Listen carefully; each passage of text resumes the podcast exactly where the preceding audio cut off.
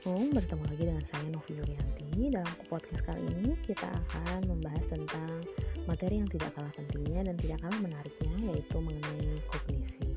Ya, e, semua di sini yang mendengar apakah ada yang pernah mendengar kata kognisi? Atau jangan-jangan ada yang baru mendengar saat ini? Oke, tidak apa-apa ya. Jadi eh, bahasan kita tentang kognisi ini cukup penting juga karena ternyata proses kognisi ini kita alami atau kita lakukan setiap hari ya, bahkan setiap saat. Seperti apa sih kognisi itu? Oke, kita awali dengan pemahaman kita mengenai perilaku manusia dulu ya. Bahwa perilaku manusia itu terdapat tiga fungsi psikologisnya, yaitu fungsi kognisi, emosi, dan konasi ya kognisi itu pikiran emosi itu perasaan konasi itu adalah kemauan atau kehendak Kognisi adalah proses-proses mental atau aktivitas pikiran di dalam mencari, menemukan, mengetahui, dan memahami informasi. Nah, maksudnya apa sih? Proses mental apa? Iya, jadi setiap kali kita menemui informasi, mencari informasi, dan memahami informasi, itu masuk ke dalam proses mental yang namanya proses berpikir ya yang ada di dalam tataran kognisi. Informasi apa saja? Apakah harus informasi-informasi berupa berita gitu? Oh, tentu tidak ya. Jadi eh, informasi itu bisa dalam banyak hal ya, termasuk apa yang kita lihat, apa yang kita dengar, apa yang kita rasakan itu juga termasuk informasi ya.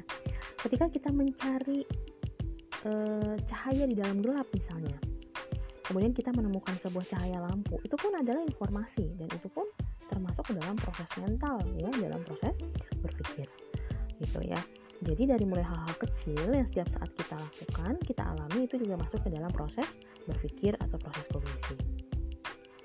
Selanjutnya fungsi kognisi itu ada berapa sih? Ya.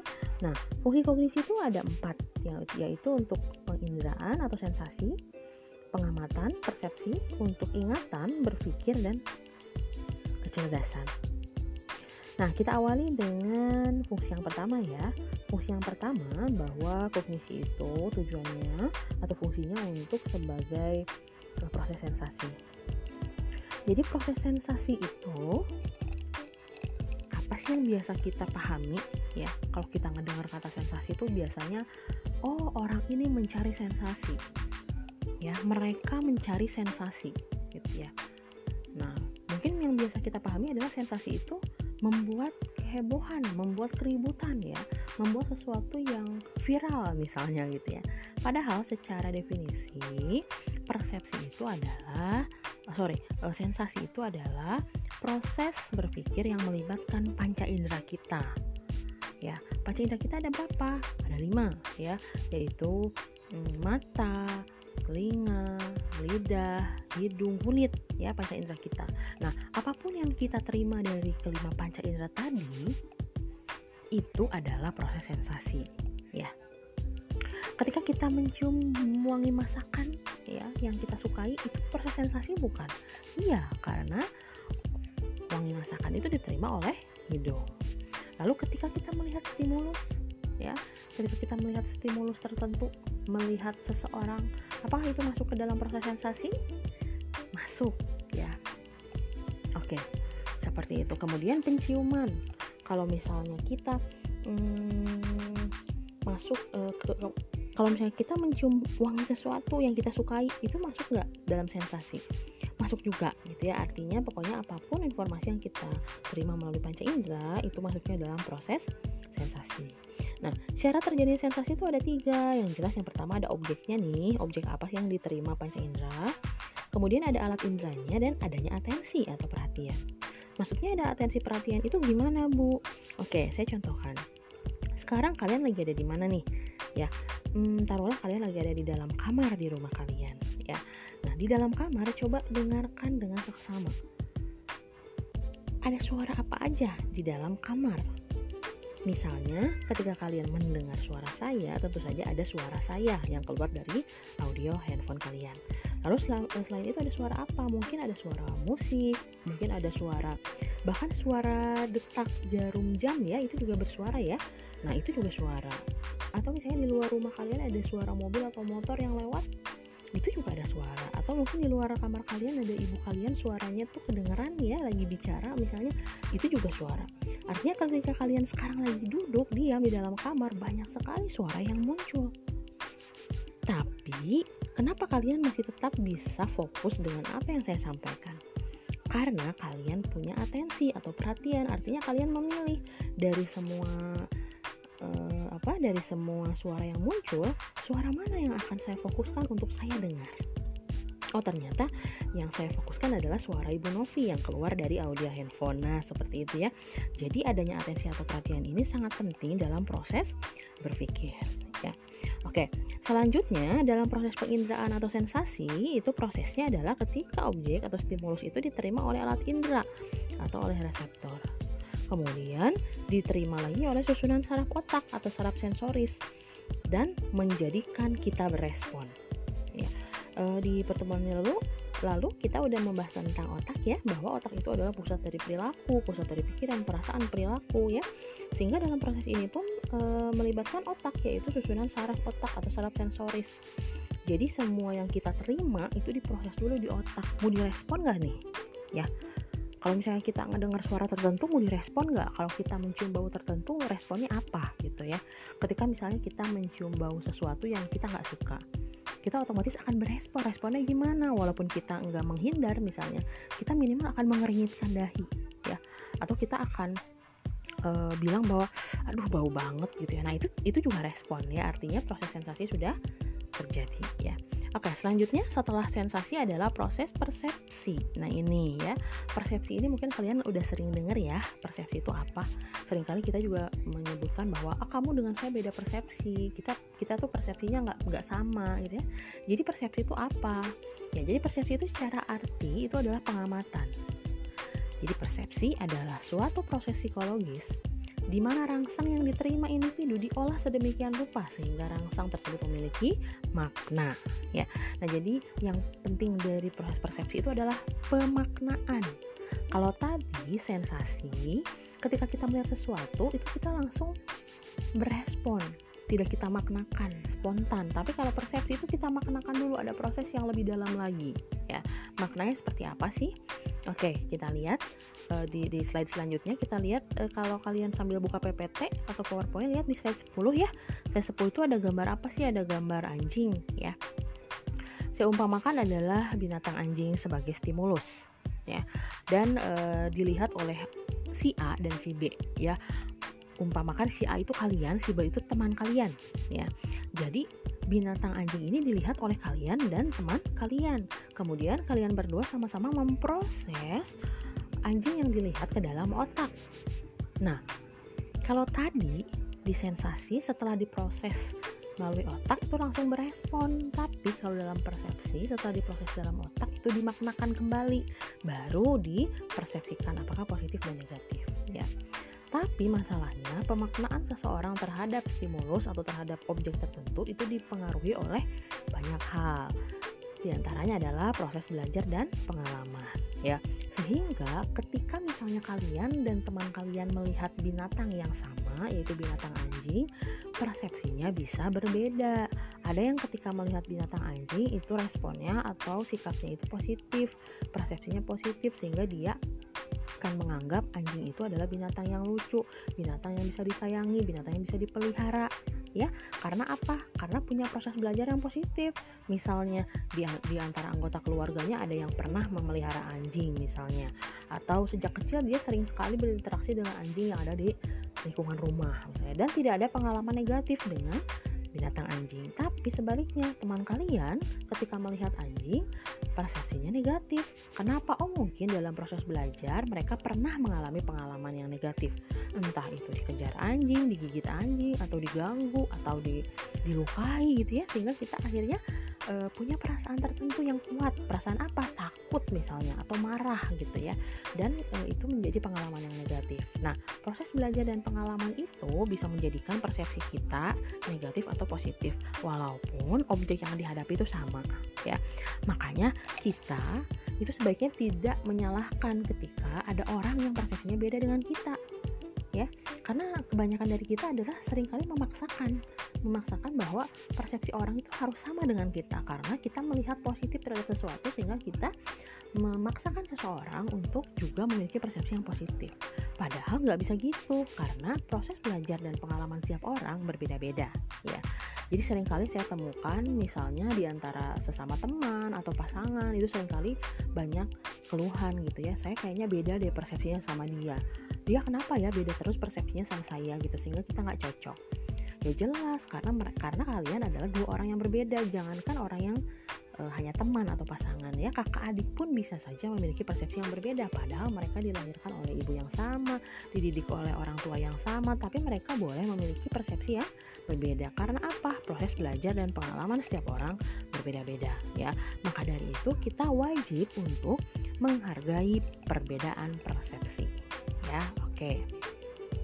Nah jadi eh, tadi jangan ketuker ya kalau sensasi itu proses penginderaan bersifat biologis dan tanpa pemaknaan tapi kalau persepsi itu di diri kita membedakan stimulusnya itu dengan memberikan makna ya ada pemaknaan Oke, selanjutnya fungsi dari kognitif selanjutnya adalah ingatan atau memori ya. Memori itu apa sih? Memori itu adalah suatu kemampuan pikiran untuk menerima, menyimpan dan memproduksikan kesan yang ditangkap. Kegiatan seseorang untuk memunculkan kembali atau mengingat kembali pengetahuan yang dipelajarinya pada masa lalu dalam ilmu psikologi disebut recall memory ya. Jadi kita sering gak sih melakukan recall memory? Sering banget kita memunculkan atau mengingat kembali apa yang pernah dialami pada masa yang lalu itu sering banget.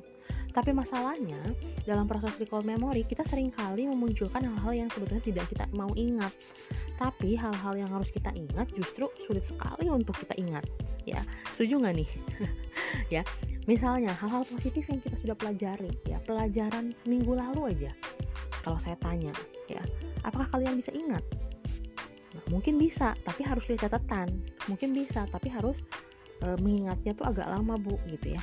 Padahal itu penting tapi lain halnya gitu ya ketika kita tidak ingat tidak ingin mengingat sesuatu eh ternyata itu diingat-ingat gitu ya. Nah itu ya jadi recall memory juga ini menjadi, suka menjadi masalah gitu.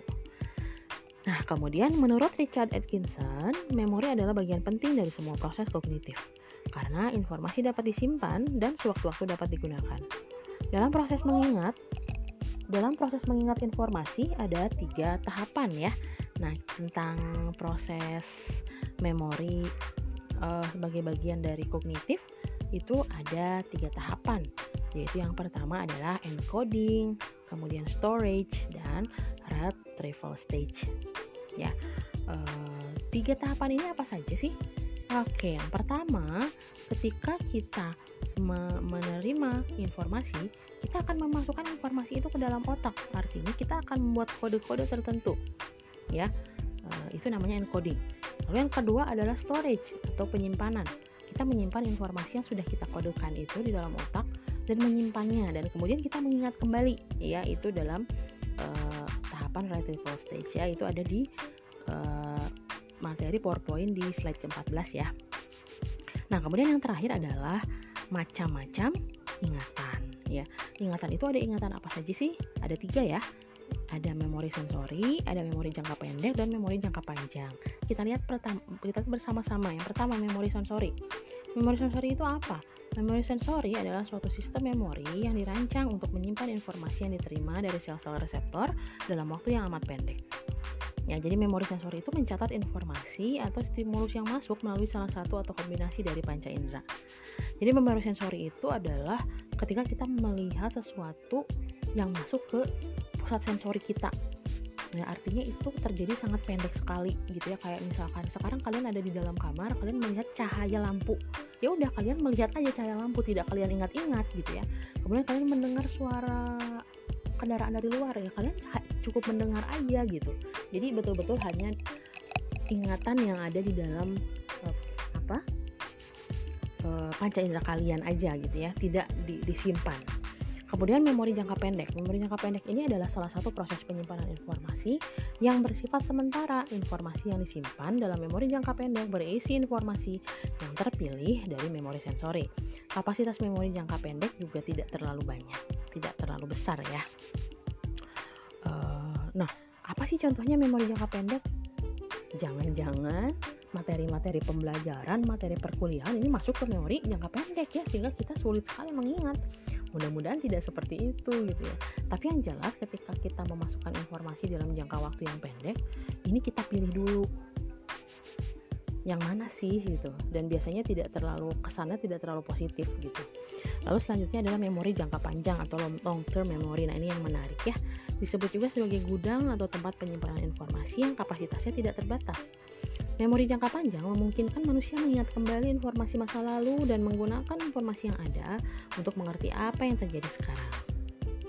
Memori jangka panjang tuh apa misalnya? Nama, ya nama kita. Nama kita tuh masuk ke dalam memori jangka panjang. Ya. Sehingga dari dulu sampai sekarang kita tidak pernah lupa akan nama kita. Atau misalnya nama seseorang, nama keluarga ya. Semua di sini ada nggak yang yang nggak tahu nama lengkap saudara, nama lengkap orang tua? Pasti saya yakin tahu semua ya. Oke. Atau nama teman-teman tapi nama teman-teman juga tidak semua kita masukkan ke dalam memori jangka panjang. Misalkan teman kita waktu SD dulu ya. Apakah semua uh, teman kita kita ingat nama lengkapnya gitu ya? Tentu saja tidak. Saya yakin hanya nama-nama teman-teman tertentu yang kita ingat. Dan biasanya itu punya makna sendiri gitu. Kemudian rasa makanan ya ini ya kita dari dulu sampai sekarang nggak akan ketukar mana yang manis mana yang pedas ya.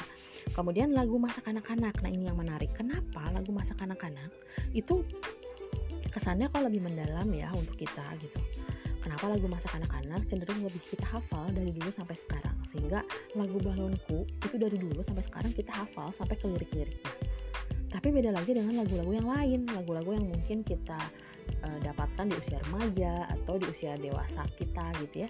Tidak semua kita hafal. Kenapa? Gitu ya. Karena kalau kita lihat lagi pada perkembangan otak di, pertemuan lalu ya menyebutkan bahwa uh, di masa kanak-kanak itu fungsi memori itu lebih kuat. Sehingga apa pun informasi yang ditanamkan kepada pikiran kita itu lebih bersifat jangka panjang gitu ya sehingga kalau misalnya kita tahu juga ya kalau misalkan ada hafiz-hafiz Quran tuh yang mereka usia lima tahun mereka udah menguasai 30 juz menghafal 30 juz. Kok mudah banget? Sementara kita ya di usia kita yang saat ini kayaknya menghafal beberapa surat aja itu susah. Kenapa? Ya karena tadi di masa kecil itu kita memberikan input informasi itu lebih mudah ya dan lebih lebih tahan lama mereka untuk menyimpannya dalam memori jangka panjang gitu ya Nah, itu di antaranya tentang memori jangka panjang. Nah, jadi sekarang udah paham ya, mudah-mudahan bisa dipahami mengenai kognisi, bahwa sebetulnya proses kognisi itu kita lakukan, proses kognisi ini kita alami di kehidupan kita sehari-hari. Bahkan sering kali tidak kita sadari bahwa kita sedang melakukan atau mengalami proses mental yang namanya kognisi ya. Baik, terima kasih atas perhatiannya untuk mendengarkan podcast kali ini. Nanti sampai jumpa di podcast selanjutnya ya. Kalau ada pertanyaan kita diskusikan selanjutnya. Sampai jumpa. Terima kasih. Assalamualaikum.